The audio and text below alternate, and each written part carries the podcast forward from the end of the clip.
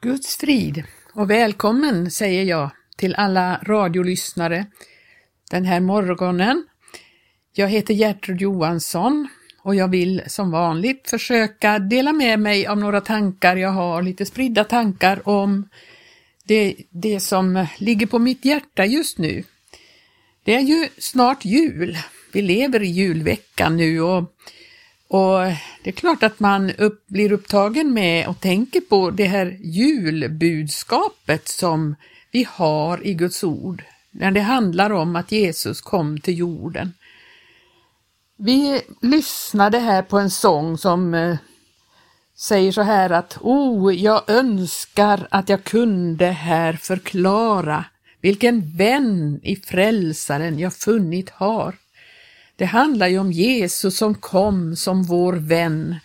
Och det var en liveinspelning eh, som eh, vi har haft i församlingen då, en upp, upp, inspelning från ett möte. Och det är verkligen det jag skulle vilja för, kunna förklara också, vilken vän i frälsaren jag funnit har. Men vi ska titta på julbudskapet som vi har då i Lukas 2. Eh, och jag tänkte att jag ska läsa det som det budskap som gavs i det här kapitlet. Eh, det, där vad änglarna hade att säga den här, den här, det här tillfället. För att när Jesus var född där så var, står det att det var några herdar ute på marken och höll vakt om natten över sin jord. Det här var på natten och då stod en Herrens ängel framför dem och Herrens härlighet kringstrålade dem och de blev mycket förskräckta. Men då säger ängeln till dem, var icke förskräckta, se, jag bådar er en stor glädje som ska vederfaras allt folket.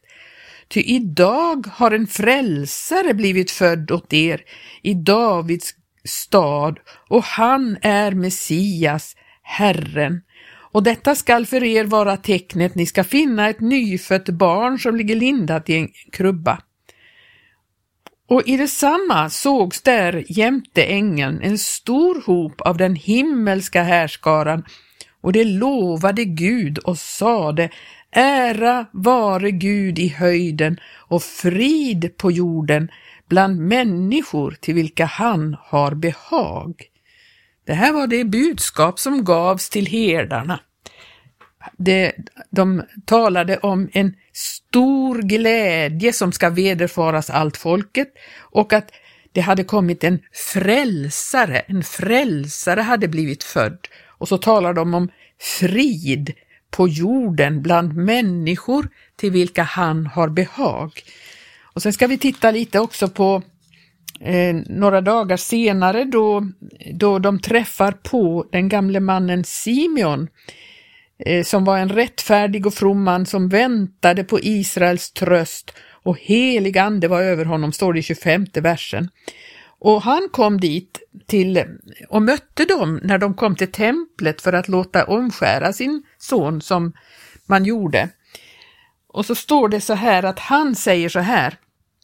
Han tog det här barnet i sin famn, lovade Gud och sa Herre, nu låter du din tjänare fara hädan i frid efter ditt ord, ty mina ögon har sett din frälsning, vilken du har berett till att skådas av alla folk, ett ljus som ska uppenbaras för hedningarna och en härlighet som ska givas åt ditt folk Israel.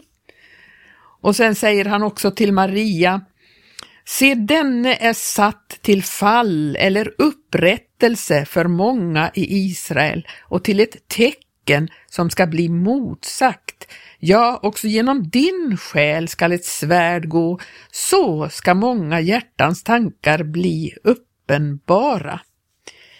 Det var budskapet som Simeon hade. Han visste att det här lilla barnet representerade den frälsning som, som Gud hade berett till att skådas av alla folk och att det skulle bli ett ljus som skulle uppenbaras för alla hedningar. Alltså frälsningen, evangeliljus, skulle nå alla hedningarna, men härligheten den skulle givas åt ditt folk, Israel. Och det är ju inte bara det lekamliga Israel utan det handlar ju om det andliga Israel. Åt hans folk skulle härligheten givas. Den kunde inte Gud ge åt alla folk sådär utan då måste människan bli ett eh, inlemmas och införlivas med Guds folk. Och att eh, han, Jesus då som var född, var satt till fall eller upprättelse för många i Israel och till ett tecken som ska bli motsagt. Hur många motsägelser har inte detta evangeli budskap fått i den här tiden och i den här världen? Men vi ska börja med att titta på först vad, vad som sades och det var ju det här budskapet att det var en frälsare som hade blivit född. Alltså, budskapet var att människorna behövde en frälsare.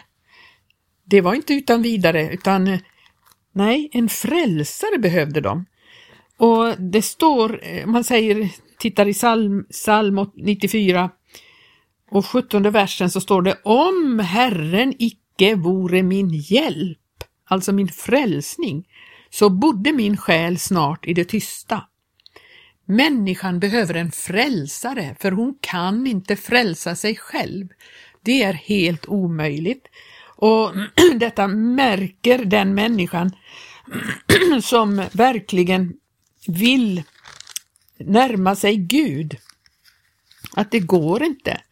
Man kan inte behaga Gud. Man, man klarar inte själv att lyfta sig upp Eh, på egen, på eget, sin egen, eh, med sin egen kraft kan man säga.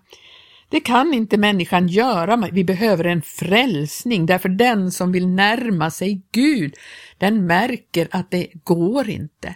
Den, den når inte till Gud, den, den kan inte behaga Gud. Och detta upplevde ju David, vi ser mycket i hans salmer, det står mycket om det här. En frälsare behövdes. Eh, I psalm 25 skriver David så här. Till dig, Herre, upplyfter jag min själ. Min Gud, på dig förtröstar jag. Låt mig icke komma på skam. Låt icke mina fiender fröjda sig över mig. Nej, ingen kommer på skam som förbidar dig. På skam kommer de som utan sak handlar trolöst. Och så ber han i den, hela den här salmen är en bön till Herren om Herrens hjälp och ledning. Han säger så här, tänk inte på eh, Tänk Herre på din barmhärtighet och din nåd, för de är av evighet. Han säger, för han led mig i din sanning och lär mig, ty du är min frälsningsgud, dig förbidar jag alltid. Och i sjunde versen, tänk inte på min ungdomssynder och på mina överträdelser, utan tänk på mig efter din nåd, för din godhets skull, Herre. Han, han, är, han upplever att hans enda hopp är att Gud får göra ett verk i honom. Och så beskriver han det i sina salmer här. Det finns eh, många salmer man kan läsa av David, för han var verkligen en som fattade det här med, med frälsningen, att han behövde Gud.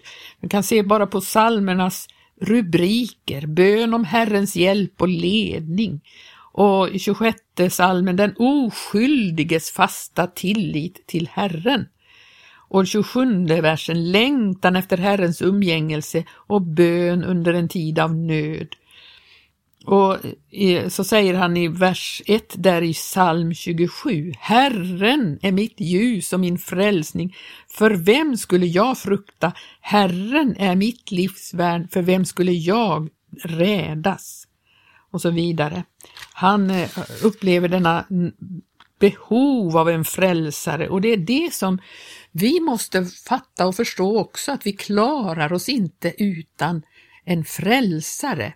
Och därför var det en väldig glädjebudskap som kom den här eh, natten till herdarna att jag bådar er en stor glädje, ty en frälsare har blivit född.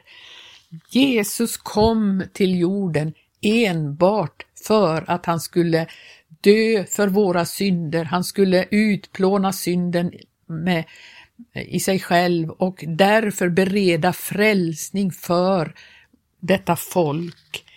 Ehm, David säger i psalm 51 när han hade syndat, han hade eh, begått äktenskapsbrott med Batseba, han hade verkligen gjort eh, stor synd.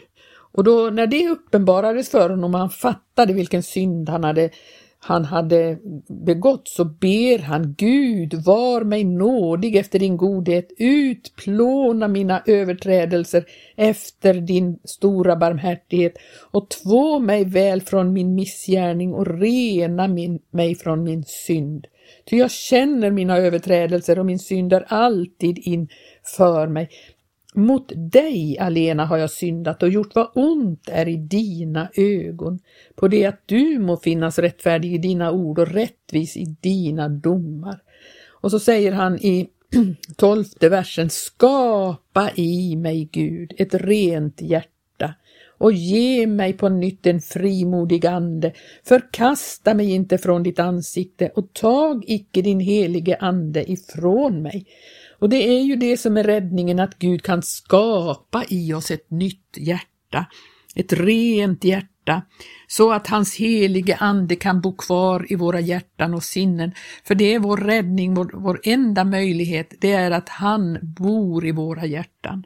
Och då ska vi titta på det budskap som kom också, att det skulle, det skulle, Gud skulle ge frid på jorden bland människor till vilka han har behag. Och då måste vi fatta och förstå att Gud har ju inte behag till alla människor. Han har behag till dem som tar emot denna frälsning. Friden är ju för dem som har en, en, ett botfärdigt sinnelag, en som, som förstår att, att inför Gud duger vi inte. Och därför så ska vi titta i psalm 91 där det står om det här eh, från 14, ja, man skulle kunna se mycket i den här salmen. Eh, psalm 91 och 1, första versen, den som sitter under den högstes beskärm och vilar under den allsmäktige skugga, han säger i Herren har jag min tillflykt och min borg, min Gud på vilken jag förtröstar. Och så står det i 14 versen, han håller sig in till mig, därför ska jag befria honom. Jag ska beskydda honom därför att han känner mitt namn. Och så kommer det så här att han åkallar mig och jag ska svara honom. Jag är med honom i nöden. Jag ska rädda honom från eh, och låta honom komma till ära. Jag ska mätta honom med långt liv och låta honom se min frälsning. Och så står det i i Jesaja 66. För det står ju att eh, friden, den är för dem som har Herrens behag. Och eh, vilka är det då? I psalm 66 och andra versens andra halva så står det så här men till den skådar jag ner som är betryckt och har en förkrossad ande och till den som fruktar för mitt ord. Det är ju frågan om en som är, är eh, ödmjuk och förkrossad och fattar och förstår att jag inte duger som jag är. Nej, Gud vill ha ett botfärdigt sinnelag. I psalm 34 och 19 versen står det Herren är nära dem som har ett förkrossat hjärta och frälsar dem som har en bedrövad ande. Eh, det är ju så att vi vill ju att Herren ska vara nära oss och det är till dem som har som han har behag. Det är till dem som är ödmjuka i sitt sinne och i, och i sitt hjärta vi kan inte berömma oss av någonting, vi har ingenting att berömma oss av.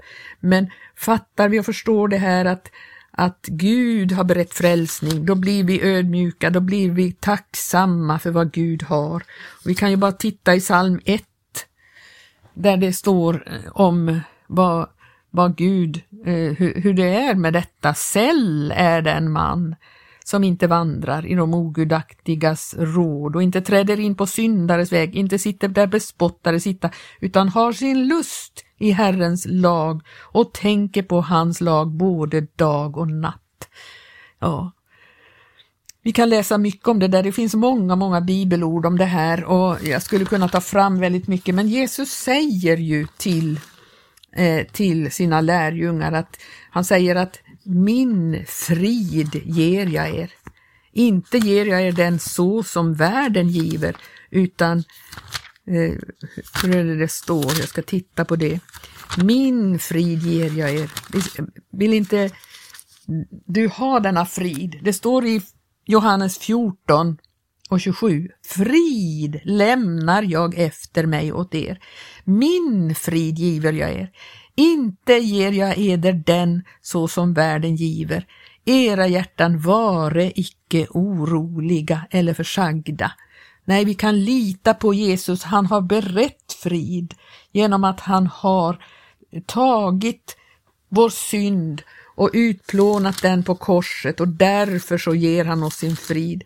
Och faktum är att han gör som vi läste om, han skapar, han skapar någonting nytt i våra hjärtan, överlämnar oss till honom. Det är ju Människan kan inte förändras, människan har inte möjlighet att, eh, att, eh, vad ska man säga, putsa på sin gamla natur så att den duger inför Gud. Nej, han, han har avslutat det här med den människonatur som vi har. Och det kallas i Bibeln för Adam, Adamsnaturen. Den gamla människan sägs det i vissa bibelord. Och eh, den har Jesus tagit med sig när han dog på korset. Det står ju så här att en har dött för alla, alltså har de alla dött. Jesu död på Golgata, det var det viktigaste som någonsin under alla tider har hänt på den här jorden. Det var när Jesus dog på Golgata för dig och mig. Därför då tog han vår gamla natur med sig i sin död. Och tar vi då emot den här frälsningen, då får vi del utav den nya naturen. Det var det som var så märkligt och mäktigt med Jesus, att han var representant först för den gamla naturen, Adams naturen, för det står att han var den siste Adam. Han var inte den andra Adam, han var den siste Adam, därför han avslutade hela Adamsläktet på, på Golgata. Men så står det att han var den andra människan. Och den andra människan, det är den nya naturen, en ny sorts människa som börjar där med uppståndelsen och du och jag får del av denna nya natur när vi föds på nytt. Och då är det så att detta hjärta och den nya naturen i våra hjärtan ska växa till i honom.